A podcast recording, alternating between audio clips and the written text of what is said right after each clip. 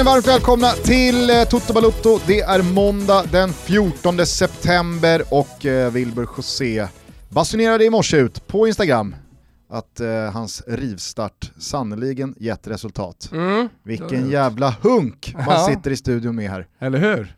Hur mår du? Nej men jag mår faktiskt eh, sådär. Jag är lite risig, jag har inte tränat på fyra dagar. Jag hade tänkt att köra 15 km löpning sista tre dagarna men så åkte jag på någon jävla förkylning. Så att, eh, ja det var trist men eh, jag är ändå nöjd med resultatet. Tänk att det skulle komma en sån dag Ja, när du satt här och ondgjorde dig över att du inte hade tränat på fyra dagar. Ja, herregud, ja, det trodde man inte för sex veckor sedan. Nej men det är härligt! Eh, och sen så har det ju varit, ja, men jag måste säga det Gusten, och jag vet att du har ett svep och du kommer säkert komma in på det.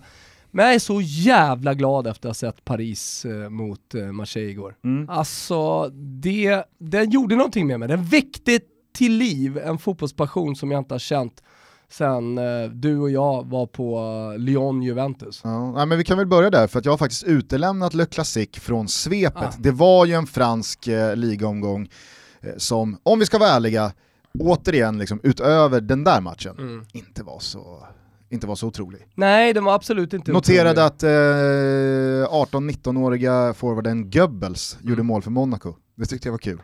Ja, det var roligt. Det är ett jävla efternamn alltså. Ja, det är ett efternamn. Och Eh, bära upp hörru. och alla ni som sitter och skakar på huvudet och inte fattar vad vi menar, stay in school. kanske, kanske snäppa upp koncentrationen på historielektionen. Läs era epos hörru. Mm. Eh, nej men eh, så att, eh, det, det, det, det funkar väl. Ni som missade PSG Marseille, det var ett hyfsat slagkraftigt eh, PSG eh, med Neymar eh, i startelvan bland andra, då, inte någon Mbappé, men Marseille som jag tror ändå ser sin chans här. Mm. Att när ett sommar Champions League tröttkört PSG ska gnissla igång maskineriet igen så finns det möjlighet för Marseille, som alltså var riktigt, riktigt bra förra året, Mm. relativt sett, att springa ifrån. Och när man då möter PSG så här tidigt på säsongen så tror jag att Vias Boas och, och eh, OM kände att eh, vad fan kan vi vinna den här matchen och skaffa oss en buffert på sex pinnar och efter det ta några segrar till. Ja men då kanske vi står där när PSG väl börjar fatta att vad fan, Marseille är ju 10-11 pinnar före oss. Jo, ja, men om det, det var motivationstalet innan den här matchen eh, så, ja, men, jag tror inte det räckte riktigt. Eh, Med tanke på den inställningen som Marseille gick in i den här matchen, alltså det, var, det var helt otroligt. De skulle in och sabba allt för PSG. Om det nu skulle behövas att sparka ner, skalla, säga fula saker till, eh, till PSG-spelarna så, så var det fan, man skulle bara vinna den här matchen. Det var ju ett och- crescendo då på tilläggstid kan vi ju säga då för er som missade, där det alltså slutade med fem röda kort, eh, ett jävla tumult, eh, het ordväxling också mellan Vias Boas och Tuchel. Mm. Där Tuchel då eh, menade på att Vias Boas har vunnit på Lotto. Jag vet inte om han liksom generellt pratar om Vias Bo- Vias Boas som tränare och hans tränarkarriär, att du är egentligen en pajas, men du, du har vunnit på Lotto som någon slags ny Mourinho för 10-15 år sedan och det har gett dig massa uppdrag du inte har förtjänat. Då har alltså Vias Boas svarat den här repliken med, precis som du gjorde mot Atalanta alltså. Snyggt. Det tyckte jag ändå var liksom, eh, Ja men vaket och glasklart att svara rappa replikskiften Ruskigt. har jag en respekt för. Ja, jag har en jävla respekt för Vias så jag kan säga att jag har ännu mer respekt för honom efter matchen igår för jag tycker att Marseille gör det jättebra mot ett, mot ett bra PSG även om det var, var första, andra matchen för PSG. Eh, det var De väl hade eh, andra matchen, andra matchen, ja, Torska precis. mot Lans första. Exakt. Men då var det ju Arsenal. knappt, eh, alltså, då var det ju 50% Nej, nej. av elvan som... Nej men det sket de i lite grann. Eh, och och jag, jag vet inte. Men igår så, så var det ett PSG som kom ut och verkligen ville vinna matchen. De hade dessutom då fått publik till läktarna. Det gjorde ju någonting med helhetsupplevelsen även framför tvn för att de kan ha varit en 5, 6, 7 tusen på plats. Eh, de gjorde sig ändå hörda. Så det var passion på läktarna. Och det gick ner till planen. Och jag tror faktiskt att det påverkade. Om det är sådana här matcher vi ska få se nu när publiken välkomnas tillbaka till arenorna, då blir det en jävligt, jävligt rolig höst. Mm. Eh, för, för det var, alltså även då pre-corona så var det sällan jag såg ett derby urarta på det här sättet. Du nämnde ett crescendo på tilläggstid. Det hade ju pågått hela matchen. Och det var så jävla roligt att det var Robert Pärlskog som kommenterade det här i och med att eh, ja, men Robban För jag tycker att han är en jävligt bra kommentator. Ni har ju också haft era ordväxlingar. Ja, ja, det, ja, det har vi haft och vi har inte alltid varit överens. Och ibland känns det som att han sitter och kommenterar en Kiev och eh, Bologna och han vill vara någon helt annanstans. Och jag har varit med om att han liksom pratat om eh, tyska handbollsmatcher som så jävla mycket bättre än det där pisset som de spelar nere i Italien. Liksom. Men det var tio år sedan. Han är en bra kommentator, det är det jag vill säga. Jag tycker han är skitbra. Branschen Men- fungerar ju så, jag ska, jag ska låta det fortsätta alldeles strax, men jag ska säga det att i, i den här branschen så fungerar ju för många så att man har ett kontrakt eh, på ett mediehus med då en fast arvodering och vissa månader så kanske man då inte har uppdrag som är det man är värvad för att göra. Eh, så då måste, man, då måste man fylla ut eh, kontrakts... Eh, då måste man liksom då måste man fylla ut den månaden med lite uppdrag som kanske inte eh, uppdragstagaren Nej. är så sugen på, men för att motivera månadspengen som ska betalas ut Ja, så, så blir- så måste man jobba. Ja nej, men vi har ju satt eh, Pinitoro på amerikanska fotbollsmatcher, men å andra sidan så har ju han sagt att fan det var kul, han är ju sin linda i kommenteringen, jag menar Roman Pärlskog, han har ju kommenterat, han är ju räv i, i branschen. Men det som var så roligt som jag skulle säga eh, med, med Pärlskog, det är att han har, han har rätt mycket så principer. Och man har ju förstått sedan länge att han inte gillar Neymar och filmningar. Så sånt där liksom sipprar ju ut. Han är väl Så att- 60-talist? Alltså han, han agerar som en i alla fall. Eh, nej, klart att han måste vara 60-talist. Det, det är väl om han skulle då fingra på 50-talet, men det, det tror jag inte att han gör. Han har ett yngre utseende eh, än, än vad han är tror jag. Han är född 1955. Ja, det, är- det, är- Satan! ja, det är faktiskt det, det är otroligt. Men, men hej, kom igen. Det finns många 50-talister som inte gillar filmare också. Jag, jag har min svärfarsa, han, han, han är inte jätteimponerad av det. Typ. Om det är någon djurgårdare som filmar så ska han typ inte vara kvar i laget. Ja men exakt, det är inte så att, det är inte så att man under 60-talet Mm. helt plötsligt börjar älska filmningar. Nej. Nej, men jag, såg en, jag såg en eh, tjej ute i Tyresö eh, i helgen som faktiskt medvetet förstärkte eh, och låg kvar lite. Hon är ju uppenbarligen då kollat på TV. Eh, och jag, jag blev glad i hela kroppen, alltså, blev upprymd. Jag tänkte, fan det där är en bra fotbollsspelare, det där kommer bli någonting. Ja. Ja men man tar efter, det visar att man vill någonting. Hur som helst, tillbaka till Robban. Eh, när det då började spåra redan i den första halvleken och det blev gurgel, är det som säger gurgel? Det är väl Niklas Holmgren? Jajamän. Eh, speciellt när det är hockey då. Va? Det är, Ja, ja. det är gurgel i båset. Jag tror Åke Unger har en klassisk kommentar också med, med gurgel. Och sen så är Händemark! Han är i fel bås. Han knuffas in i båset av Oskar Sten. Och då bryter du! Då är det Gurgel! Nu blir det fight! Nu är det lördag i Karlstad. Fina lördag i Karlstad. Det är så jävla fördomsfullt. ja, jag älskar det. Ja, men man måste älska det, eller hur? Mm. Jo men man vet ju, man vet ju hur många liksom raggare som har sladdat in tala till för, sin att, publik för att göra också. upp.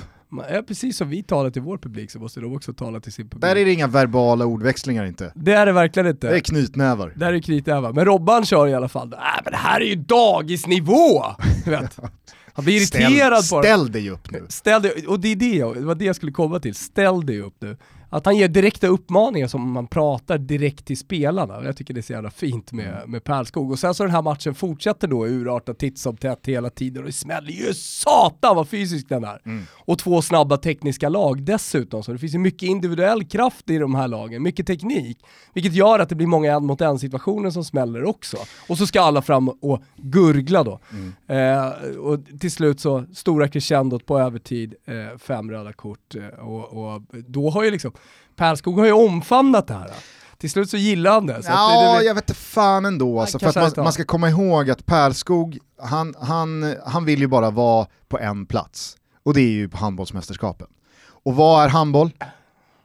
Ja, det är rent. Det är, den, alltså- det är den ärligaste sporten Ja. vi har. Sen Där vet är- inte fan om det är det, alltså, jag tycker de fan filmar jävligt mycket i den sporten också och Jo. håller på att kasta sig och Men är det någonting, peta folk i ögonen och skit. Om det är ärligt så vet jag inte vad ärligt är. jag tror att det väldigt många då menar på är det ärliga i handboll och det som är det vackra med handboll, jämfört då i synnerhet med fotboll, det är ju att i handbollen så har man ju fått bort det här med att spelarna omgärdar domaren och gnäller på domslut. Kultursporten. Domaren blåser, han visar vad, vad, vad hans beslut är och spelarna accepterar direkt och knallar av plan. Det Fast älskar ju Pärlskog och jättemånga andra. Helvete vilken jävla myt det där är. Alla handbollsmatcher jag har sett på slutet, då är det ett jävla tjafs på det? domaren. Från bänk, jag kollar mycket handboll ska du veta Gustav. Ja, ja, ja. ja. Okej. Alltså det är, så fort det är handboll på tv, då, då sitter jag och kollar. En jävla sportkonsument ska du veta. Nämn en Snart handbollsspelare. Va? Nämn en handbollsspelare. Ja men det är han, Vranjes. Köttbullen. Som ger en sån här bröstvärmare. Mm. Ja. Tobbe Karlsson gillar jag också. Ja, okej. Ja. Ehm, vad heter han? Kim? Eh, Kim Andersson vet ju vem Ja, det är. sen men, har du ju eh, Kim Ekdahl Duré. Duré. Som fan Som får bestämma filosof. sig snart om han ska spela handboll eller inte. Om han ska åka på tantra, yoga, knull i Indien eller om han ska spela, fortsätta spela handboll. Eh, var skulle jag komma någonstans? Jo, sen har jag min, eh, min kusses grabb eh, Adrian som spelar i Tumbas eh, mycket duktiga 06-lag. Mm. Eh, som jag ska kolla på väldigt mycket nu i Tumba under, under hösten. Så att, eh, jag följer handbollen, absolut. Du hade älskat Per Johansson. Jag vet, och du vet att jag och, och Per Johansson har haft en beef. På Twitter.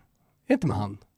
Ja, det ringer någon vag klocka här. Jo, om någonting Ja. du har skrivit och sådär. Han höll inte med. Nej, och det gjorde mig väldigt ledsen för jag Mm. vet att ni hade älskat varandra. Jo, jo, men alltså personer som älskar varandra, de kan ju också bråka med varandra. Så är det väl? Ja, du, du och jag har ju bråkat hur många gånger som helst, men vi älskar varandra. Absolut. Ja, exakt. Så det var den bästa starten på vår vänskap, jag och Per Johansson. Ja, det är, Mm. låt oss hoppas. Vi är sponsrade av våra vänner på Kia och det är vi väldigt glada över Thomas. Framförallt för att man tillsammans med Kosovare Aslani har ingått Aslani-kontraktet som Mm. alla föreningar uppmanas att skriva under på kia.com. Ja, och när du säger föreningar så sträcker vi oss inte bara till eh, pampiga ordföranden Gusten, eller kassören som har fått nys om det här, utan även privatpersoner eh, som på ett eller annat sätt är eh, involverade i en klubb. Man kanske har ett barn eller man kanske spelar i något gammalt vetslag. Eh, även till er att höra av er till klubbarna och man kan faktiskt gå in på kia.com Eh, och tipsa sin förening så då, då får de en liten notis. Man behöver inte ringa upp till styrelsen och berätta det här. Väldigt enkelt. Så man går in på ke.com och när man ändå är där och skriver på Aslani-kontraktet eller tipsar så tycker jag att man ska ta ett litet kik på de bilar som finns. Du nämner laddhybriderna. Det finns många bra dealar för privatleasing till exempel från 2995. Så det är ju en bil av högsta kvalitet för framtiden, men i grunden riktigt, riktigt bra bilar. Så gå in på kia.com, kika in på Aslani-kontraktet som handlar om att alla barn ska ha lika villkor för att spela fotboll. Eller hur Gusten? Ni hör ju själva, vi är jätteglada och stolta över att eh, samarbeta med Kia och vi är jättetacksamma för att ni möjliggör Toto Balutto. Skaffa en laddhybrid hörni och skriv under Aslani-kontraktet. Stort tack, Kia. Eh, var var vi någonstans? Jo, att du har sett igenom den här eh, ärlighets... Eh, Ja, eh, nej men eh, det, det finns ju... grejen det finns som ju, finns med nej, handboll. men alltså de reser på bänken, springer fram till sekretariatet, skriker på domaren och har sig, så det där är bara ren och skär bullshit. Tillbaka till Marseille. Det slutar ju med att eh, Neymar kliver av planen och, och säger rätt in i mikrofonen eh, någonting med ra rasist. Ja. Eh, jag tror i och för sig han pratar eh, portugisiska. Rasist. Ja. Ja, rätt in i, i, i mikrofonen. Mm. Ja, Och han, han eh, menar då på att Alvaro, mittbacken i, som ser ut som ett riktigt svin, Absolut. ärkesvin. Och jag vill bara att du ska ha med dig in i det du nu ska säga, att jag tror på Neymar till 100% här. Jag också. Man ser på den ordväxling Förtal. som sker Mm. Mellan Alvaro och Neymar efter att då Neymar har knuffat omkull, det är ju det här som startar allting. Eh, bakom förlängd kortlinje eh, så knuffar eh, Neymar honom lite lätt. Han överdriver, Neymar vill bara få tag i bollen så att Mandanda kan skicka ut en inspark så att spelet ska komma igång igen. Sen då så tjafsar de hela vägen upp till mittcirkeln, Alvaro och Neymar. Och då ser man på det Alvaro säger, att här är det inte bara liksom, eh, du kan dra något gammalt över dig, din rishög. Nej. Utan man ser på Neymars, tycker jag, eh, ansiktsuttryck, att det du säger nu, det är inte okej. Man ser hur upprörd han är och Neymar, han kan ju visa känslor på planen och sådär, men det är sällan han reagerar på det där sättet. Men vad får man, ja självklart får man inte säga rasistiska saker på planen, men vad får man säga på en fotbollsplan? För att jag menar, allting är ju utstuderat, det där är ju utstuderat av Alvaro också. Han, han vill ju bara få eh, Neymar utvisad. Det är väl planen hela matchen att sätta från Olympique Marseille att eh, sätta PSG ur balans. Och, och det finns väl inga hetlevrade spelare i PSG?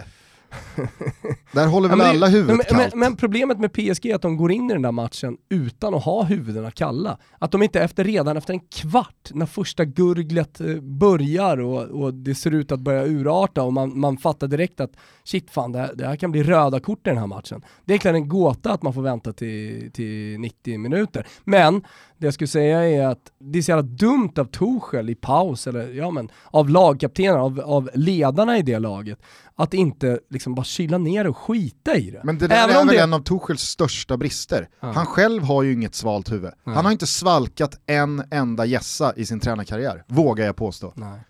Nej, det är möjligt. Och sen så, så här, för mig som åskådare som tittar på den här matchen tycker jag att det är alldeles fantastiskt. Alltså publik på läktarna, så jävla mycket känslor som man inte sett ett OM PSG på hur länge som helst.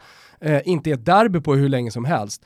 Alltså jag tror att så här, all, allting, allting blev i kvadrat på grund av att det också var publik på läktarna. Vilket säger någonting om den här jävla fotbollen som har spelats under corona. Om att fotboll faktiskt inte kan utövas eh, utan publik, utan att det måste fan komma ett bryt snart. Det är inte en människa kvar på IVA i Sverige. In med fucking publiken, jag hatar att, att de väntar på det. Folk lever sina vanliga liv sedan i maj, Gusten. Folk lever vanliga liv sedan i maj. Att ta in eh, 7-8 tusen på en fotbollsarena i Stockholm, 3-4 tusen eh, på, i en småstad, det är inga problem. Så fick jag det sagt. Hur som helst, det, det allt det här skapade eh, de här känslorna. Eh, så, så igår, jag har hållit på med rivstart Sverige. Igår var det en rivstart för fotbollen. Jag gjorde någonting med mig. Ja, fy fan vad jag älskade den här matchen, den var otrolig. Mm. Jag tror också att det fanns med in i den här matchen, Champions League-finalförlust. Oh, nu ska vi börja om en lång säsong igen, vi vann inte bucklan, alla bara vill vinna. Det sipprade ut eh, rykten om att Neymar ska ha sagt att eh, efter EM eh, så lämnar jag nästa år. Och, men jag, tror, jag, jag tror att PSG var så här morgonbuttra. De har precis vaknat efter en eh, hård kväll som inte slutade så, så bra. Och så är det liksom Marseille och Lans som första uppgifter och man orkar inte riktigt liksom, de, de har inte duschat än. Nej men det är 11 QQen plus alla som sitter på bänken som kommer och ska jiddra med dem i 90 minuter, så gör Tovan dessutom, Tovan, mm, ah, Tovan. Fan vad fin han är. Mm. Gör han dessutom 1-0, kommer ju såklart oförtjänt när det väl händer. Och segern är ju vad den är Ja. i slutändan. Det är en krigarseger för Marseille å ena sidan. Det, det är en jidderseger för Marseille å andra sidan. Men PSG är det bättre lag och skapar jävligt mycket chanser. Ja, men eh, schnitzel till Robert Pärlskog för hur han levde ut sin Ja! personlighet i den här matchen och i det här refererandet. Nej, här, det, det- tyckte det kan- var, det tyckte jag också var uppfriskande. Ja, Eh, får jag bara säga en sak ja. om det? Att eh, det är ju lätt att man, man formas i en mall och att alla blir lite, lite likadana inom media och det kan vara kommentatorer, eh, det kan vara folk som sitter i studio, det kan vara krönikörer. Men Robert Pärlskog, han går verkligen sin egen väg. Och så kan man gilla det eller inte gilla det. Du kan gilla eller inte gilla Niklas Holmgren, du kan gilla eller inte gilla Jesper Husfeldt. Eh, på, på det sättet. Men, men de, de är sig själva. De har sitt sätt att kommentera och de vågar vara sig själva. Det här borde alla yngre kommentatorer ta till sig. Ja men där är jag helt med dig. Det är ju bättre att vara sig själv och sticka ut. Och så gillar vissa dig och andra inte. Än Jo att men man de bara sticker är inte ut för att sticka ut, Nej, de exakt. sticker ut genom att vara sig själva. Exakt. Det är det jag gillar. att lägga sig i mittenfilen och bara liksom... Schnitzel! Mm, det, det, fint. det, det tror jag inte funkar i det långa loppet. Gulasch då i alla fall till Alvaro, för jag, jag, jag tror på Neymar här. Mm. Det, det yttrades eh, rasistiska tillmälen här från Alvaro, man ser, precis som du är inne på, vilken gris han är. Mm. Och jag är så jävla trött på att anklagade rasister, eller personer som har yttrat sig rasistiskt, det går att särskilja de begreppen, Mm. att de ska svära sig fria från alla anklagelser genom att lägga upp bilder på sig själv med svarta personer. Nej. Äh, det är så tröttsamt. Kolla här, här står jag i armkrok med en kille från Afrika. Hur ska jag kunna vara rasist eller säga rasistiska saker? Alltså det, det, är så, det, är så, det är så platt. Uh, hallå, jag, jag har jättemånga eh, vänner med invandrarbakgrund, så jag kan inte säga rasistiska saker. Jag ingen... Det, det, är liksom, det, det, är, det är då inte så här, jaha, nähä, ursäkta jag måste ha hört fel. Du, du sa absolut inte vad jag hörde att du sa. Sen är det ju en annan grej med bråket mellan Dario Benedetto och Neymar. För de är väl också i luven på varandra. Ja men det är I och med- Paredes och Kurtzava. Och... Ja, jo, jo, men, men Benedetto som Det är är... ett jävla Argen- ah, som är, som är det är lördag i Karlstad. Ja men du har ju även, ja, satan vad det är lördag i Karlstad där nere på planen. Eh, nej men där, där har du Argentina mot Brasilien, för det fanns säkert inslag av sånt också när det googlas. Och det, då, då undrar jag med dig Gusten, vad är okej att säga? Vad får Marseille, om de nu går in med matchplanen, jag har inga problem med det heller, att få PSG ur balans. Vad är okej? Alltså hur långt får man gå? Mat- Marco Materazzi, eh, jag ska din mamma och din syrra och allt vad det är i VM-finalen Mm. som får Zidane att sätta, sätta sin gässa i bröstet på honom. Är det okej? Var går din gräns? Eh, alltså, jag, det, är, det är ju superduper svårt, Mm. såklart. Om vi nu ska gradera helvetet, så, så måste jag ändå säga, rasism, 100% inte okej. Nej, Det, där, där, ja, men det, det Ja, finns, men det liksom, där finns inga nyanser. Homofobi och eh, liksom sexistiska, ja, det, det, det, det förekommer ju såklart i väldigt hög utsträckning. Men inte okej. Mm. Nej. Någonstans där, där går din gräns. där, där, Där där tror jag gräns. att det finns en gräns. För Mm. personangrepp och som du är inne på i fallet Materazzi-Zidane, vad man eh, liksom ska göra med någons närstående. Mm. Det är ju inte, om vi nu pratar Men semantik, Mm, mm. så är ju inte det, eh, alltså det blir så jävla svårt att säga att det är okej. Men du fattar vad jag, Jag ska menar. testa det lite på Ja. ja. moral-etik-pulsen här Gustav. Den dansk-italienska etisk Vad hette moralskalan. han? Hå- Håkan? Nej vad hette han i KB? Eh, katten. Katten ja. Ja. Mm. Han kom ju ut på Instagram sen. Just det. Han, han, låg, han låg ju och touchade gränsen. Jonsson. Jonsson ja. Ja. Ja, Jonsson. Han Nej, men, ju... när han liksom spettar mig med knät rakt i Det okej. klockspelet, det är ju vad det är. Det är, det är ju det är en fysisk, eh, liksom, förvisso jävligt oschysst, men det är väl smällar man får ta. Jag har också delat ut fula smällar och tjuvknep och stämplat Har du folk. Och, det, det, är alltså så här, det får man, ska, man, ska man dela ut så får man också ta. Men eh, när han då säger jag satte den rätt i f- på honom. Mm. Alltså, Går han över en gräns då?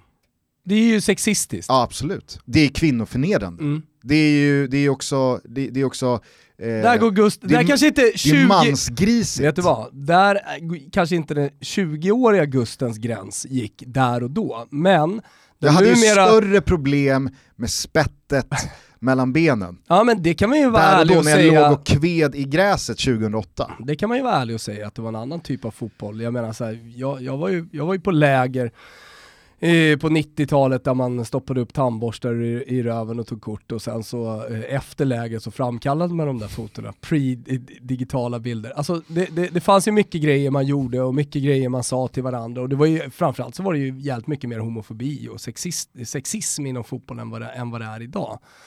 Men den, det jag skulle komma till är att den numera 30 plus-gugge eh, som ska sitta och programleda och i studio på, på More. han är inte okej med rätt i fitt, Nej, eh, eller hur? absolut Ja, inte. men, och, och det, det tycker jag liksom, då går ju utvecklingen framåt. Mm. Det ska du hyllas för Gusten. Sen så tror jag att, det, det här pratade vi om i det här avsnittet för några veckor sedan också, det är extremt svårt för dig, mig och alla andra som inte är där ute på plan och inne i elden att liksom vittna Jag har inte om... varit det på ett Eh, heller. exakt. Vittna om hur det låter, att på något sätt dra en gräns för vad som är okej och inte okej.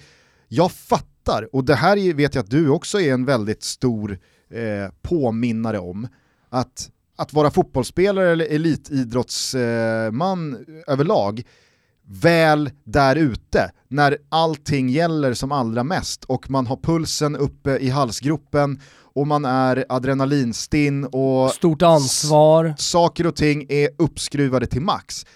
Klart som fan, det är betydligt svårare att hålla huvudet kallt om det nu är liksom eh, vad allting i grund och botten handlar om vad gäller att eh, dela ut fysiska smällar eller verbala grodor, vad det nu kan vara, än vad det är för dig, mig och 99% av alla andra arbetande människor, för vi har inte maxpuls, för oss står inte saker och ting och väger eh, med en klocka som tickar ner mot noll, Eh, och, och, man vet hur mycket som definieras av vad som händer här ute på planen i den här matchen med det här domslutet eller med den här tacklingen eller vad det nu kan vara. Jag fattar att det som flyger ur folk där ute på plan, mm. det är ibland mot bättre vetande. Mm. Ja, men om vi pratar om gränser så kan vi minnas Micke Lustigs, nu tar vi de här jävla eh, efter att eh, italienarna hade buat den svenska nationalsången inför mötet då som eh, till slut gav oss ett mästerskap. Eh, det var ju okej okay för mig. Det var fullt okej okay. och det var okej okay på grund av den anledningen att eh, Micke Lustigs känslor rusade. Han ville, han ville säga, hade han haft Balkan i blodet och pratat serbiska eller bosniska, då, då hade det varit eh, liksom mamma åsna, eh, fitta och alltihopa. Det hade varit en riktig Balkan-rant på det. Det var det första ordet som kom upp i hans huvud. Det hade kunnat varit ho eller vad det nu är. Men det blev i det fallet. För det är det han kommer ifrån, det är hans bakgrund och man har sagt det och det har vi alla gjort. Jag, jag tror att 98% som lyssnar på det här oavsett om det är kvinnor eller om det är män har någon gång sagt jävla f till exempel. Precis som man har sagt jävla k eh, eller ho så att för mig var det helt, alltså så här, det, det vad det. Och sen men det där pratade på, vi om. Alltså det, det, blodet brann, Micke Lustig kokade, det blev vad det blev. Jag tycker att Jennifer Wegerup gjorde det fantastiskt mot Radiosportens Christian Olsson i, i, i eh, debatt på, på SVT där, där hon tog det ett steg längre och gick tillbaka i språk och hur man använder svordomar, hur man har använt svordomar långt tillbaka. Ja, det för, så, för att alltså, syftet är inte att vara sexistisk, utan, exakt. utan det, där är det ett blod som kokar och eh, topplock som helt enkelt går. Det så sjuka att, är att det, det där är snart tre år sedan. Ja. Det är helt sanslöst. Hur som helst, eh, eh, det, det, alltså, precis som du säger, jag vet att vi pratade om det där och då, hösten 2017 också, att det Lustig säger med det där är ju inte, nu tar vi de här jävla kvinnorna. Nej, som att liksom, eh, kvinnor är någonting nedvärderande, utan det är ju fullt naturligt att man drar på med de grövsta orden man har i vokabulären och att det blir något annat mm. än vad det faktiskt betyder. Exakt, och där finns det ett stycke språkhistoria att lära sig för de som kritiserar, eh, för att svordomar har varit en del av, av språket eh, under, all, under alla tusen år som vi har kunnat prata människan. Vad är den första, vad är den första sorten? Kan du hela vägen upp till Homo sapiens? Eh, nej, men eh, alltså tusen år har vi ju pratat alla längre. Tusen år så här. Aha, alla tusen ja, alla okay. tusen år. Från det att vi började kommunicera kring eld, var det första ordet som människan sa. Var det det? Ja, jag vet inte. Jag har ingen aning. Det är ingen som vet Gusten. Vi kan inte åka tidsmaskinen. Men... Eller var det lördag i Karlstad? Kanske var det det. Lördag i Karlstad, det är jävla gruva i Karlstad. Ja. Eva, Eva Adam, eh, det är inte många som vet. Men det där trädet, alltså Edens lustgård, det är alltså strax utanför Karlstad. På väg mot Torsby. Här var det Gurgel en gång i tiden. Det var eh. ormen, ett äpple, Eva och Adam. Ja, precis. Det var en fyrvägskorsning utanför Karlstad för en jävla massa år sedan. Och så var det lördag. Exakt. Kan det vara så att en, en, en mindre känd tolkning av eh, första, eller gamla testamentet är på lördagen skapade Gud Karlstad? det hade varit något. Ja, det hade varit något. Där har du en titel på en hockeybok om ett annat, det hade mm. varit fin att läsa. Men hur som helst, eh, ja, nu gick jag bort mig. Vad var det vi pratade om? Vi pratade om eh, Micke Lustig i, i Sverige-Italien. Ja, vad han egentligen ja. eh, sa när han sa som han gjorde. Ja. Eh, vad som är okej okay och inte. Det är ju super... Alltså, det är, är det okej okay att be någon dra åt helvete? Vissa kommer ju såklart svara nej på den frågan. För vissa så är det liksom så här, vad är, vad är det för fråga? Det är väl klart att det måste vara okej okay att be någon på en fotbollsplan eller en hockeyplan eller liksom att be någon dra åt helvete. Det är en helt omöjlig gräns att dra. Nu frågade du mig, jag eh, har själv spelat fotboll, inte alls på den här nivån, men jag kan bara tänka mig att när temperaturen skruvas upp och så mycket står på spel och det är kar karriärsdefinierande ögonblick som rasar, ja men då, då, då, kanske det inte är så svårt att Tuchel och en del andra har svårt att hålla huvudet kallt. Eh, men det är ju, oavsett vem du frågar, en helt omöjlig gräns att dra någonstans. Ja, nej men det, det är det Jag tycker väl att du är rätt på det. Eh, med gränsdragningen där Gusten. jag tycker också att man ska tillåta väldigt mycket. Eh, för att eh, det, det, det, är trots allt mycket känslor och det är många som bryr sig om det och man har ett stort ansvar och vi är bara människor i slutändan. Nu vill jag, vet du vad jag vill höra? Ett svep. Ja, det ska du få. Jag tänkte bara att eh, det kan väl ändå vara på sin plats att knyta ihop det där presentsnöret med att man kan också älska känslor och att det spårar ur. Även fast det som sägs och görs och uttrycks i det där gurglet, i det där känslosvallet, kanske inte är så mycket att lyfta. Det är ju två olika saker. Du sitter där och säger “jag älskade den där matchen och jag tyckte det var helt fantastiskt att se allting bubbla upp igen”. För det har varit en period eh, av eh, så mycket eh, likgiltighet och, mm. och eh, tristess. Mm. Eh, så det, det, det, är viktigt att separera det också. Ja men eh, det, det, tycker jag. Den här matchen fick igång och sparkade igång hösten ute i fotbollseuropa. Jag hoppas att fler ligor, fler länder hakar på och släpper in folk igen. Ja men så var det då äntligen igång. Om en vecka så är maskineriet ute i Europa på full patte, men redan nu är Premier League igång igen. Och vilken rivstart det blev för Artetas Arsenal. William vispade med trollspöt direkt, firma Lacka och Auba gjorde varsitt och bakåt förblev lakanet rent.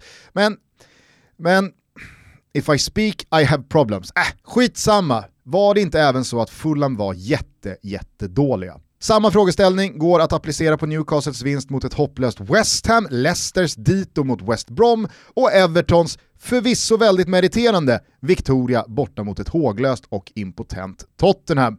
Håglöst kan man dock inte använda som adjektiv när man ska beskriva någonting av det som hände på Anfield i lördags kväll. Marcelo Bielsa skickade ut sitt Leeds i strid och vilket jäkla rallarslagsmål det blev.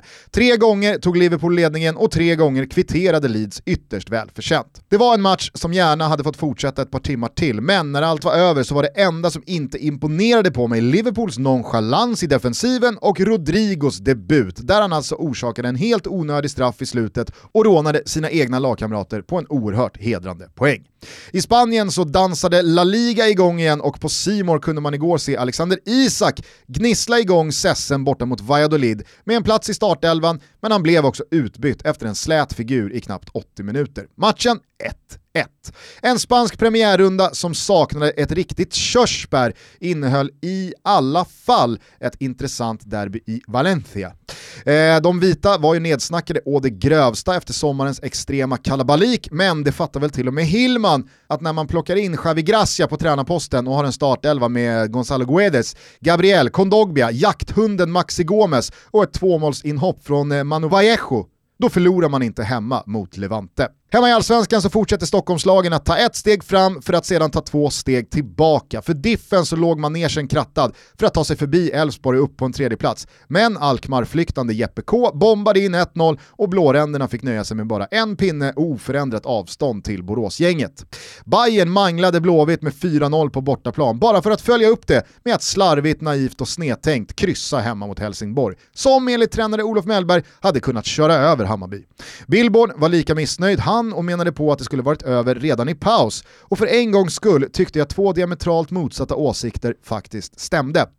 AIK ställde en stark elva på benen borta mot Malmö som saknade AC och gjorde också 1-0 efter en hörna. Målet dömdes dock bort och detta var början på en felaktiga domslutsfest som inte var speciellt munter. När tio tilläggsminuter spelats hade både Sotte och Ofori visats ut, men Malmö misslyckats med att få hål på petade Haugards ersättare Budimir Janosevic. Varberg tog tredje raka och säkrade kontraktet, ja så är det. Men helgens stora match spelades i Falkenberg. Blåvitt med Rolle Nilsson vid rodret tog en extremt efterlängtad seger och det var egentligen aldrig något snack. Vi hade ju inte vunnit på 200 matcher, sa Wernbloom efteråt, och det gick verkligen att ta på lättnaden när Tobbe Sana revanscherade sig efter straffmissen i första och bombade dit 3-0 i andra halvlek och stängde matchen. FFF Hasse Eklund kommer för evigt ha min respekt för fjolårets lösta kontrakt, men tyvärr, det här kommer inte sluta med något annat än degradering. Du skulle tagit statyn Hans. Vi är sponsrade av våra danska vänner på Kristoffer Klås. Då handlar det om solglasögon, men inte bara. Dessutom så är ju blue light-glasögon det nya svarta va? Nej men det är ju det Gusten. Eh, du vet vad blue light är nu va? Alla ja, har varit med på det. Det är glasögon som hjälper en att inte åka på massa jobbiga defekter av att man kollar massa skärmar. Ja men exakt, man har datorn och läsplatta och sin telefon som man ständigt kikar i. Och det är många som upplever att man sover sämre eh, och att man får huvudvärk till exempel, torra ögon och så vidare. Då hjälper blue light-glasögonen till. Just nu Gusten! Och alla ni som lyssnar, 20 10% rabatt med koden TOTO. Det är så enkelt. Men, nu ska du höra. Det är ju så att Tom Brady har signat som ny ambassadör. Ja, det är inte vem som helst. Nej, det är inte vem som helst. Alltså vi snackar eh, quarterbacken Tom Brady som lever sitt liv för hälsa och amerikansk fotboll. Man tänkte att fusionen eh, Rivierans elegans och eh, dansk-nordisk design Mm. var liksom perfekt. Då slängde Kristoffer Klås ner Tom Brady i mixen också och nu har vi en fulländad cocktail. Ja, och han har då skapat en egen kollektion. Och det jag gillar med den kollektionen, vet du vad det är Gusten? Nej. Koden TOTO gäller inte på den. Den är så jävla exklusiv, den har precis kommit, så där får man helt enkelt betala fullt pris. Så är det, det är bara att tugga i sig. Jag älskar att du gillar det. Ja men jag tycker Men jag att det är härligt. Ja, jag tycker att det är härligt. 20% rabatt på alla mäktiga solglajjor och blue light-glasögon borta på Kristoffer eh, Klås. .se och då är det alltså Kristoffer med CH och PH, Klås med C-L-O-O-S. Så är det. Vi säger eh, mange tack till Kristoffer Klås för att ni är med och möjliggör Toto Balotto. Mange tack. Ja, det är mycket snack om statyer idag, att det ska bytas ut och, och resas nya. Kanske är det då Hasse?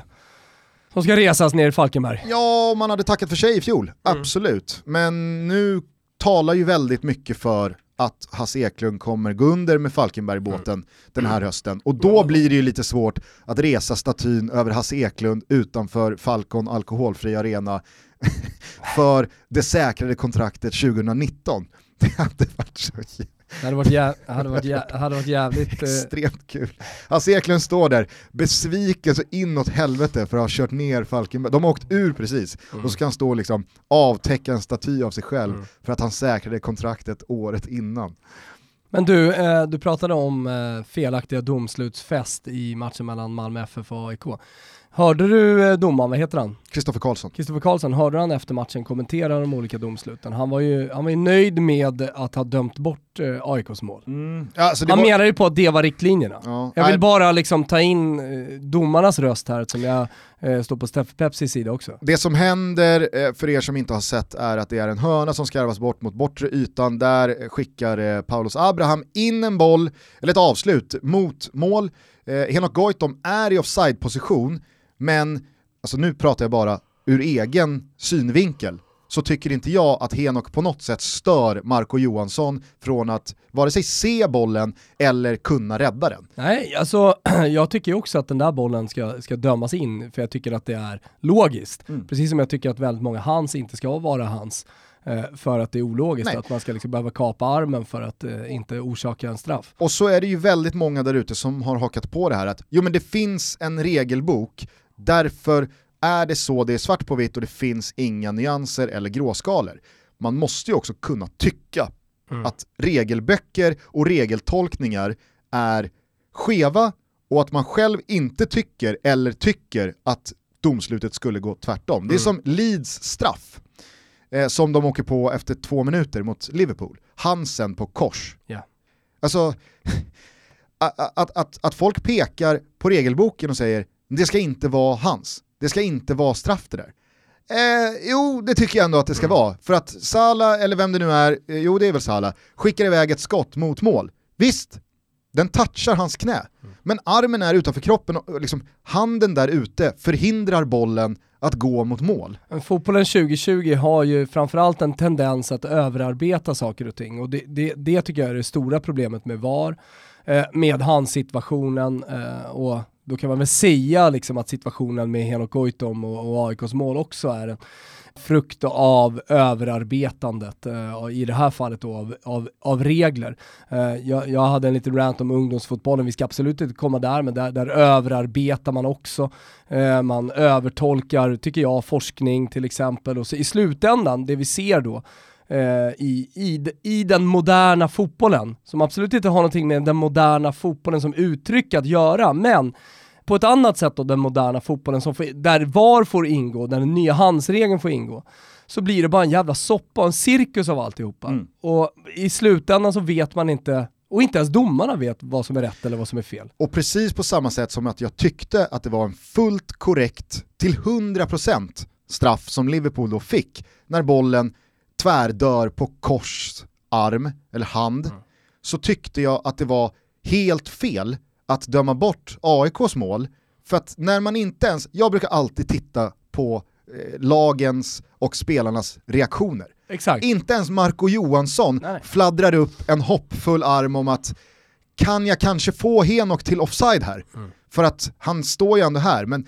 ingen på något sätt antyder att Henok Goitom ska liksom vara Men med låt- och påverka det där. Låt säga att han står en halv meter eh, bakåt. Då är han ju bakom mållinjen och då räknas han inte in i spelet. Men han hade påverkat Marco Johansson precis på lika mycket, det vill säga ingenting. Och det hade blivit lika mycket mål Mm. om han hade stått där. Nej, men så att det, det jag vill komma till bara att folk hänvisade och screenshotade eh, regelböcker och paragrafer och ja men alltså så här. Ja men såhär, Karlsson kan, ju Säg- inte, kan ju inte hängas. För det Nej, är uppenbarligen nej, men- de riktlinjerna han har fått. Säger Kristoffer Karlsson att det blev precis så rätt det, det, det bara kunde bli, ja men då är det väl så. Men man måste fortfarande kunna tycka att ah, jag tycker inte att det där ska dömas bort för offside, för Henok Goitom, han stör ju inte. Men, och det här vill, jag, så här, här vill jag också ändå ha sagt, jag tycker mig uppfatta situationen eftersom VAR inte existerar i Allsvenskan.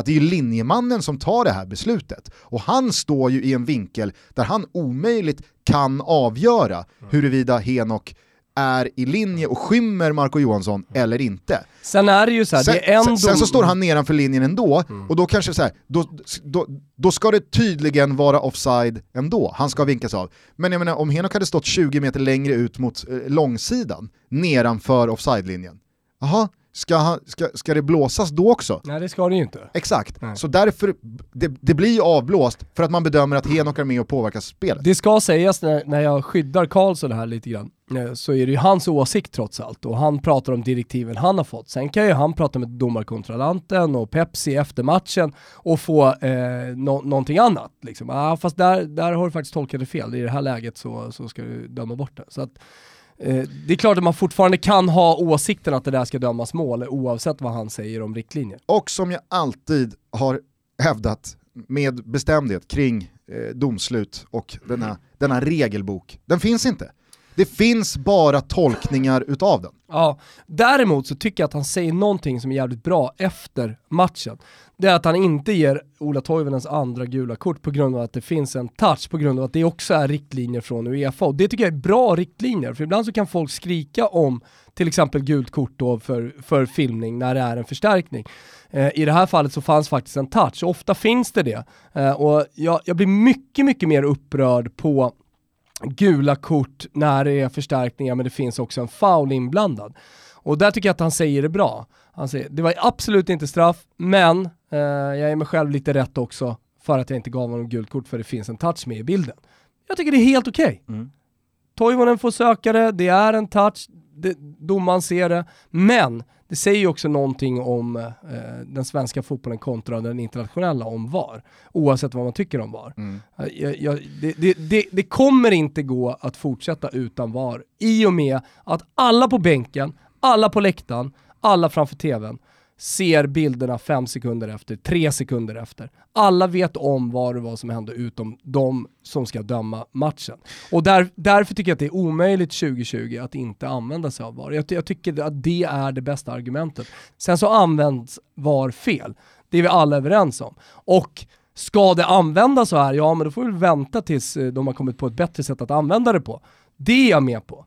Men jag, jag, jag tycker fortfarande att det ska finnas en variant av eh, videokontroll. Eh, såg du Jonas Erikssons eh, insats i, i Dplay-studion från Tele2-sändningen i samband med Bayern Helsingborg? Oh nej. Okej, jag såg den i alla fall. Eh, alltså Jonas Eriksson är ju jättebra.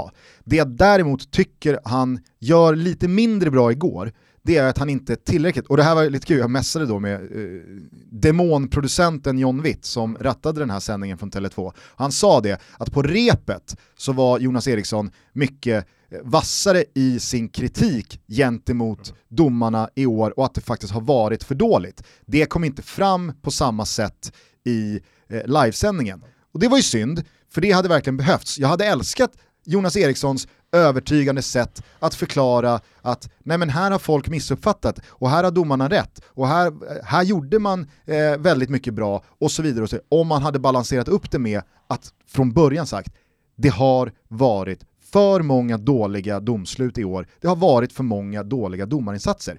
Punkt. Alltså, det var ju Steffe Pepsi väldigt tydlig med när han satt här. Det, var så här, ja, men det, har varit, det har varit så jävla låg eh, nivå eh, domarmässigt i år. Mm. Ja det har det. Det är helt, helt korrekt. Mm. Det, det, det, är bara, det är bara att beklaga. Det har varit för dåligt och vi måste bli bättre. Så det saknade från Jonas Eriksson. Sen tycker jag att han förklarar väldigt mycket bra saker i hans slott här i, i studion, men då är det ju såklart att det första som sker efter att man har haft Jonas Eriksson där, som nyförvärv, man har slagit på stora trumman, nu jävlar ska vi reda ut ett och annat, och så kommer den matchen, Mm. Malmö-AIK, med 5, 6, 7, 8 domslut som, alltså, det var, det var, det var ju precis lika eh, dåligt eller svajigt eller hur man nu vill beskriva det åt båda håll igår. Alltså det var inte så att AIK eh, lämnade Malmö Gynnades. superförfördelade eller vice versa. Eh, och det vill jag verkligen säga, alltså, jag lägger ingen värdering i huruvida AIK skulle gjort mål eller inte. Det var bara en sån där situation där, aha, om nu regelboken tolkar det här annorlunda än vad jag tycker, så tycker jag ändå att det finns ett värde i att man måste kunna understryka hur fel det blir med det här paragrafrytteriet Mm. när det kommer till fotboll. Mm. Och vad som är själva kärnan i VAR-motstånd, Mm. tror jag. Det är ju att men det går att hitta saker och ting på varenda millimeter, Mm. under varenda hundradel. Och det är där man inte vill hamna. Och jag tror att alltså, ba- bara så hackigt och svajigt som det fungerar ute i Europa efter tre, fyra år, alltså allsvenskan har inte ens VAR än. Hur många riktigt kämpiga säsonger har vi framför oss? Eller så är det helt rätt att vänta då tills eh, det kommer bättre riktlinjer och en bättre VAR där man skruvar till det. Jag har ingen aning, men det är i alla fall ofrånkomligt att eh, allsvenskan kommer ta in VAR och då kan klubbarna säga vad de vill. Ja, eh, det var i alla fall en, en högintressant allsvensk omgång. Håller du med mig det jag sa kring matchen då, bayern helsingborg För att jag tyckte att det var, alltså, som, jag, som jag sa i svepet, Olof Mellberg stod i efterintervjun och sa jag är så jävla besviken, Alltså, vi ska köra över Bayern idag. Alltså, att vi inte vinner den här matchen, usch! Och så kommer Billborn och säger Alltså det är, det, är, det är så dåligt att vi inte vinner den här matchen. Så det är, och jag, jag förstod båda, för att jag, Mm. jag tyckte det var jag blev verkligen förvånad över Bayerns insats igår attityd och karaktärsmässigt. Mm. Visst, man hade ett par avstängningar, men efter den där 4-0-segern mot Blåvitt så tror jag alla var överens om att där, pang, nu Mm. vaknade Hammarby. Nu var det 2019 igen och nu så finns det fart under vingarna att men dels jag- bråkas in bland Europaplatserna, Upprepade ju kommentatorerna och studion genom hela matchen. Ja, Åh, och- nu är Hammarbys anfallsspel tillbaka och jag tyckte man såg absolut tendensen till det. Sen var ju avsluten riktigt kassa. Ja, absolut, men jag menar bara att i det här skedet av säsongen, nej det kommer inte bli något SM-guld, men det finns fortfarande tillräckligt få poäng upp till Europaplatserna för att bråka sig in där och man är fortfarande med i Europa League-kvalet. Så det, det, det, det var ju helt rätt timing på en, en formvändning uppåt. Mm. Men så kommer den här insatsen där jag tycker att det är Ja, men det, det är ett Ja, men- märkligt disponerat lag, det är en märklig matchcoachning, men framförallt så är det en attityd ute på Exakt. plan bland spelarna som är så här: vi leder med fem bollar. Det, det är lugnt, vi kan tappa boll och vi, äh, ja, ja, jag tar inte riktigt men det är det jobbet som är och det är konstigt. Mm. slarvigt och det är garvigt när man missar. Och det, det är så jävla mycket felpassningar och usla beslut. Och det är så här, det köper jag om man i ett sånt här skede av säsongen med tajt matchande och man ska snart in i Europa League-kval och så vidare, leder med tre bollar hemma mot Helsingborg. Ja men då får andra halvlek vara slarvig, ja, det är så det funkar. Men i det här skedet, när man leder med ett mål, man har dessutom så här, man har fått en kvittering redan och gjort 2-1, då, hur man inte kan liksom skruva upp närvaron mentalt och fatta att den här matchen är inte över. Helsingborg ligger och slåss för sitt liv runt nedflyttningssträcken. De kommer inte vika ner sig. Alltså du vet, jag, hade, jag, jag förstår Olof Mellberg som efter 90, efter den andra halvleken känner fan surt att vi inte vinner alltså. Jag tror att det kan vara bra om, eh, alltså för Billborns skull för Hammarbys skull, eh, om han ställer sig upp och går liksom full eh, Gattuso någonstans vid 2-1 och att inte slappna av och att han inte sätter sig ner och är filosofen på bänken som antecknar i, i sitt lilla block. Jag, jag tror att eh, Hammarby skulle behöva den typen av ledarskap, om det är han eller om det är någon annan i staben. Men jag, jag tycker att det känns, precis som du säger, som att det finns en aura och en attityd kring hela matchen, att man leder med 3-0 och att det här är klart. Mm. Och, det, och det är jävligt märkligt. Speciellt som du säger att man kommer tillbaka också. Det mm, Och det kan väl hända någon gång här och där. Men det har ju hänt så många gånger den här säsongen redan för Hammarby. Alltså, har man inte lärt sig Lärde man sig ingenting av Kalmar-matchen hemma? Att vi kan inte hålla på och slå av på takten och bjuda på massa saker när vi leder med ett, knappt två mål. Alltså, visst, latcha in i, i, i slutvisslan om man leder med tre, fyra bollar. Men att det ser ut som det gör igår, jag, jag satt och kollade på matchen, jag håller inte ens på Bayern och, och satt på så här, det här är så provocerande att se. Vad är det för byten? Vad är det för liksom så här, att ingen tar tag i det? Fällman han fick ju t-shirt och hela grejen när han liksom spring eller byt ropade någon hemmamatch här tidigare under säsongen. Mm. Och, och, och, så här, men vad, vad, vad, vad var det igår? Mm. Alltså det finns ingen på plan som bara liksom så vad är det som händer gubbar? Och jag, jag har ingen aning, det kanske är ett eh, fullt intakt omklädningsrum, men, men när Tankovic blir sur, och det kanske är någonting man blir under matchen, men jag tycker att det fanns någonting mer i hans reaktion när han blev utbytt också, som inte bara var jag är sur för att jag fick byta. Nej. Uh, jag kan ha jättefel där, men, men uh, det, det, är i alla fall en magkänsla som jag känner att jag vill uttrycka. Eh, vi börjar bli långa, eh, vi har inte ens berört eh, Premier League-premiären. Kort bara innan vi släpper allsvenskan. Önskad effekt på Blåvitts tränarbyte. Det tog sin tid. Eh, nu, nu vart det ju en väldigt märklig eh, första match post-Poja med Ferran och Alf Westerberg hemma jo. mot Bayern och en total överkörning. Och jag har sällan eh, sett in, inte, med, inte med yviga gester och ett eh, enormt kroppsspråk, men ordmässigt så var ju Ferran Sebias ord efter den matchen brutala. Han skämdes över eh, prestationen och det här Exakt. var liksom rock bottom och ja, eh, det ena med det tredje. In kommer Rolle Nilsson, kanske en match för sent, men eh, i, i, grevens tid i alla fall. Nu fick man den här efterlängtade segern.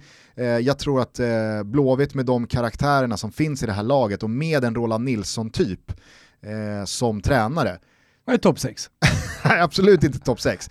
Men jag tror att vi nog kan eh, skriva av Blåvitt mm. från nedflyttningsstriden. Ja, herregud ja. Sen tyckte jag det var kul, någon formulerade väldigt spetsigt på Twitter, eh, att efter en halvlek med Roland Nilsson vid rodret i IFK Göteborg så tror jag att vi tryggt kan slå fast att kommande promotion-videos inför säsonger inte kommer innehålla streetfotboll och hiphop-musik. Korrekt. Det är inte Rolles melodi. Det är inte Rolles melodi. Nu är det lördag i Karlstad. Det är någonting som Rolle kommer, kommer älta. Nu är det raka linjer ja, och ja. inte tappa boll i fel ja, läge. Är det gurgel, in i gurglet bara, mm. kör.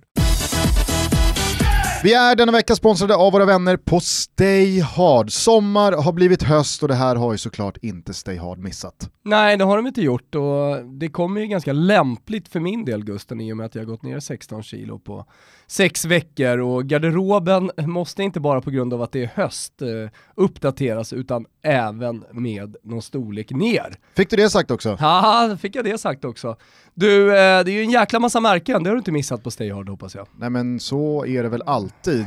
Eh, de jobbar ju alltid med förnyelse såklart, men ni som lyssnat på Toto Balutto i ett par år, ni vet att eh, Garderoben av märken på stayhard.se, den är nästintill oändlig. Vi säger nu varmt, varmt välkomna till Stayhard-familjen, till UK-märket Nietzsche, som levererar, ja vad då Gusten, vad tror du att det här märket är? Streetwear! Jajamensan.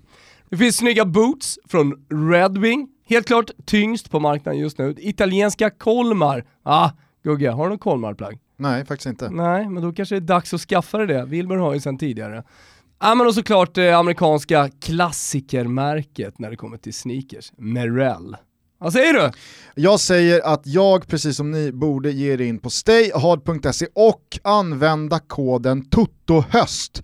Då får man nämligen 20% rabatt på hela ens köp. Men det gäller bara till 19 september, så ja, det gäller att stå på. In på stayhard.se och eh, uppdatera er garderob hörni. Stayhard säger hej Toto Balutto och hej höst. Vi vinkar väl tillbaka och säger hej och tack för att ni är med och möjliggör Toto Balutto. Tjena gubbar, stort tack. Handen är uppe här. Handen är uppe i studion. Handen är uppe. Stay hard med. Eh, om vi bara kort då, för att vi börjar bli långa som sagt. Eh, om, om jag kort frågar dig, vad tar du med dig från Premier League-premiären? jag tar med mig att väldigt mycket är väldigt likt förra säsongen. Mm. Alltså eh, från den här första omgången i alla fall. Det är Jamie Vardy som gör mål och Salah han eh, visar någon slags form från början. Och Leeds de är lite patsa och de kommer utmana även de största, i alla fall här under hösten. Det kan vara ett jobbigt jävla lag att möta. Och ingen tror på Crystal Palace och Roy Hodgson, men de lämnar med hållen nolla och tre de lämnar med hållen nolla och tre poäng. Så att eh, man kände igen Premier League om man får säga så. Mm. Eh, Tottenham då och Mourinho, de stod ju för en extremt slät figur igår även de. Jag och Mourinho, ju... för att, alltså på tal om Franzibias hårda ord efter, mm. efter Bayern-matchen, så skrädde ju inte Mourinho orden heller igår. Han sa att det är, liksom, folk har fel eh, mental inställning och vi är lata och vi är helt snett på det i vår press och visst, vi kan skylla hur mycket vi vill på, alltså han skyllde ju på den, den dåliga försäsongen. Mm. Men det finns ju fler lag som har haft en ganska Sorry. hackig och jobbig försäsong eh, med tanke på vad som har legat bakom oss. Så det, det, det, är inte, liksom, det är inte synd om Spurs. Nej. Det är det inte. Eh, sen eh, finns det någonting med Mourinho och eh, hela den här dokumentären som har kommit ut, videoklipp som jag sett, eh, som gör att jag tror inte att Mourinho kommer bli kvar jättelänge i Tottenham och jag tror inte att han har i världsfotbollen så jävla länge att göra heller. Jag tycker att han är en jävla chef, jag har försvarat honom i alla lägen och trott på honom. Du vet, folk som läser mina krönikor, eh, men jag tror att det är över för Mourinho faktiskt. Mm. Mm. Ja, jag, jag, tror, jag, jag, tror, att han har gjort sitt, han är för mätt, han har inte hungern att uh, studera liksom, uh, en annan typ av fotboll som eh, Spurs kanske skulle behöva. Han, han är för låst i sina principer. Jag tror inte hans ledarskap riktigt funkar längre heller. Jag tror också att det är, det är ett annorlunda ledarskap, eller det är ett annorlunda ledarskap sen tripleten och allting som han gjorde under, under hans första decennium som demontränare. Eh, så jag, jag, tror att vi snart får vinka, vinka till eh, Mourinho när han tar sina första stapplande steg ut mot savannen. Eller hoppa på färjan till Åland. Eller, ja, exakt. En enkel till Mariehamn. Men framförallt så ska han gå in på randstad.se och börja redan nu registrera sitt CV, kolla sig omkring, för att eh, Randstad, de är världsledande. Jag vet inte om du såg bilden jag la ut på Instagram med Maurizio Sarrios, alltså då Randstad eh, gjorde lite, lite reklam i bakgrunden. Det kan ju vara faktiskt ett tips till Mourinho. Kan det vara så att Randstad om något år eller två är Mourinhos sista hopp? Kanske är det det.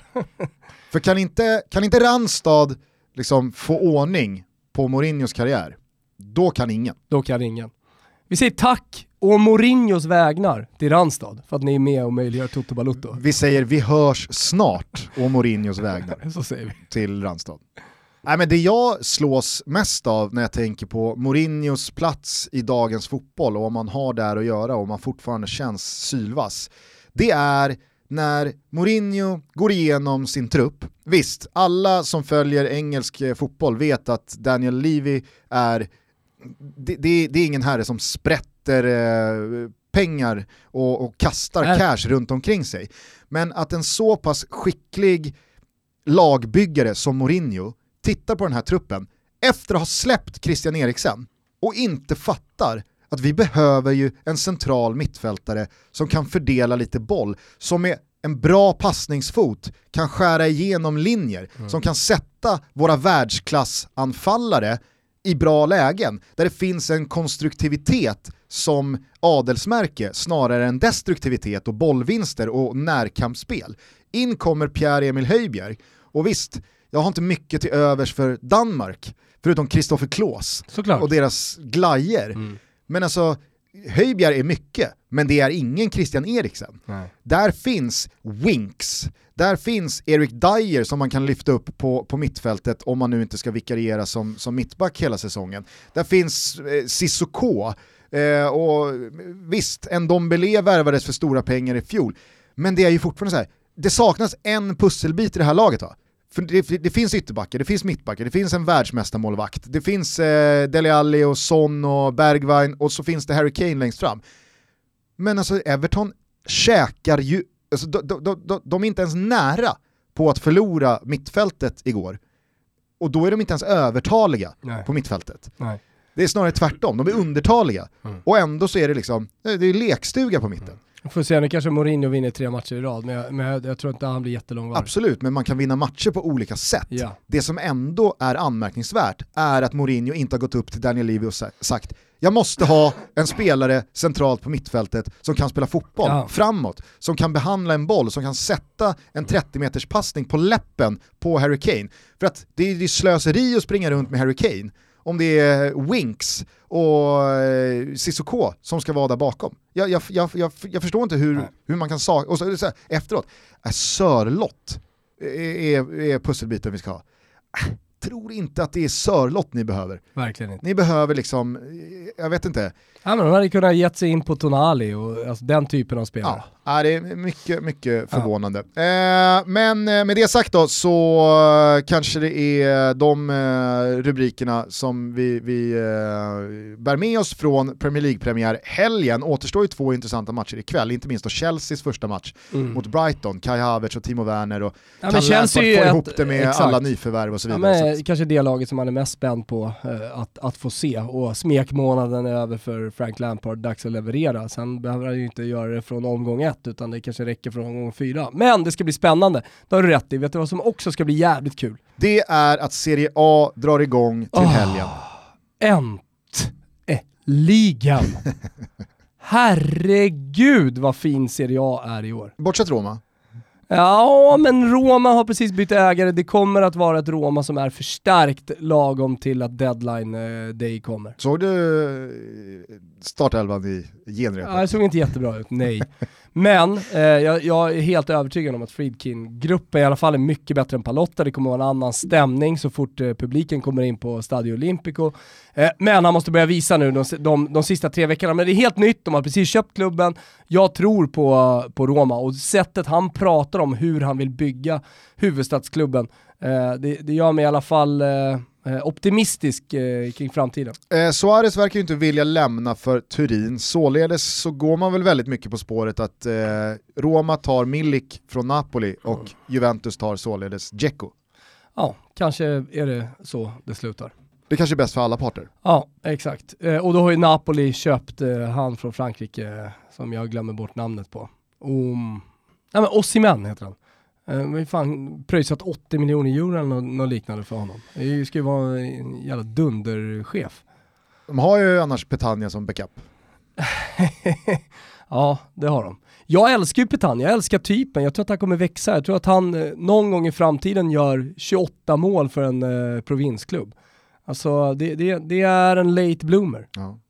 Hörni, eh, vi kommer snacka upp eh, Serie A-premiären betydligt mer senare i veckan tillsammans med vår gode vän och simor kommentatorn Kristoffer Svanemar.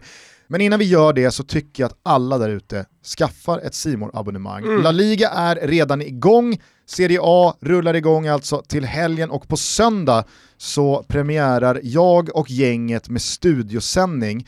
Fotbollssöndag, det är Real Madrid mot Real Sociedad. Ah, smaka på den. Vad är det för match att börja med? Och så kommer vi rulla på hela hösten med att rama in eh, inte bara italiensk och spansk fotboll utan internationell fotboll i stort. Ja men jättekul, det ser jag fram emot Gusten och eh, ser fram emot att eh, få in Kristoffer Svanemar i studion och snacka upp Serie A. Det är sannerligen den här ligan värd. Och även fast La Liga alltså smygstartade lite i helgen så skickar vi in... Det var ingen som märkte det riktigt Gustav. Alexander Isak hade behövt göra en bättre match Ja. igår än vad han gjorde.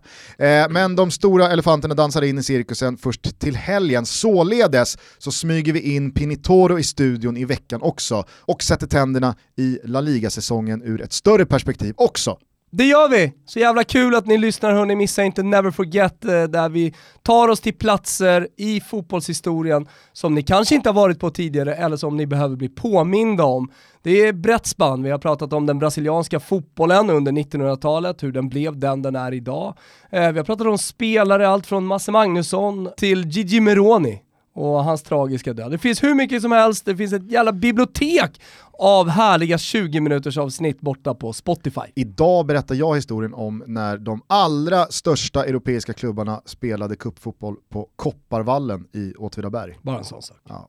Hörni, eh, när eh, Svanemar och Pinitoro har gästat så kommer det finnas långtidare för eh, La Liga och eh, Serie A ute hos våra vänner på Betsson. Där kommer vi även skicka ut en ordinarie Toto-trippel till helgen, så haka på där. Följ oss eh, på sociala medier. Följ Betsson Betsson på sociala medier så missar ni absolut ingenting. Nej, det kommer lite långtidare och härliga grejer i veckan såklart borta hos våra vänner på Betsson. Och kom ihåg, när det gäller spel hos Betsson så behöver du vara 18 år fyllda och upplever du att du eller någon annan anhörig har problem med spel så finns alltid stödlinjen.se. Vi är snart tillbaka. Vi hörs.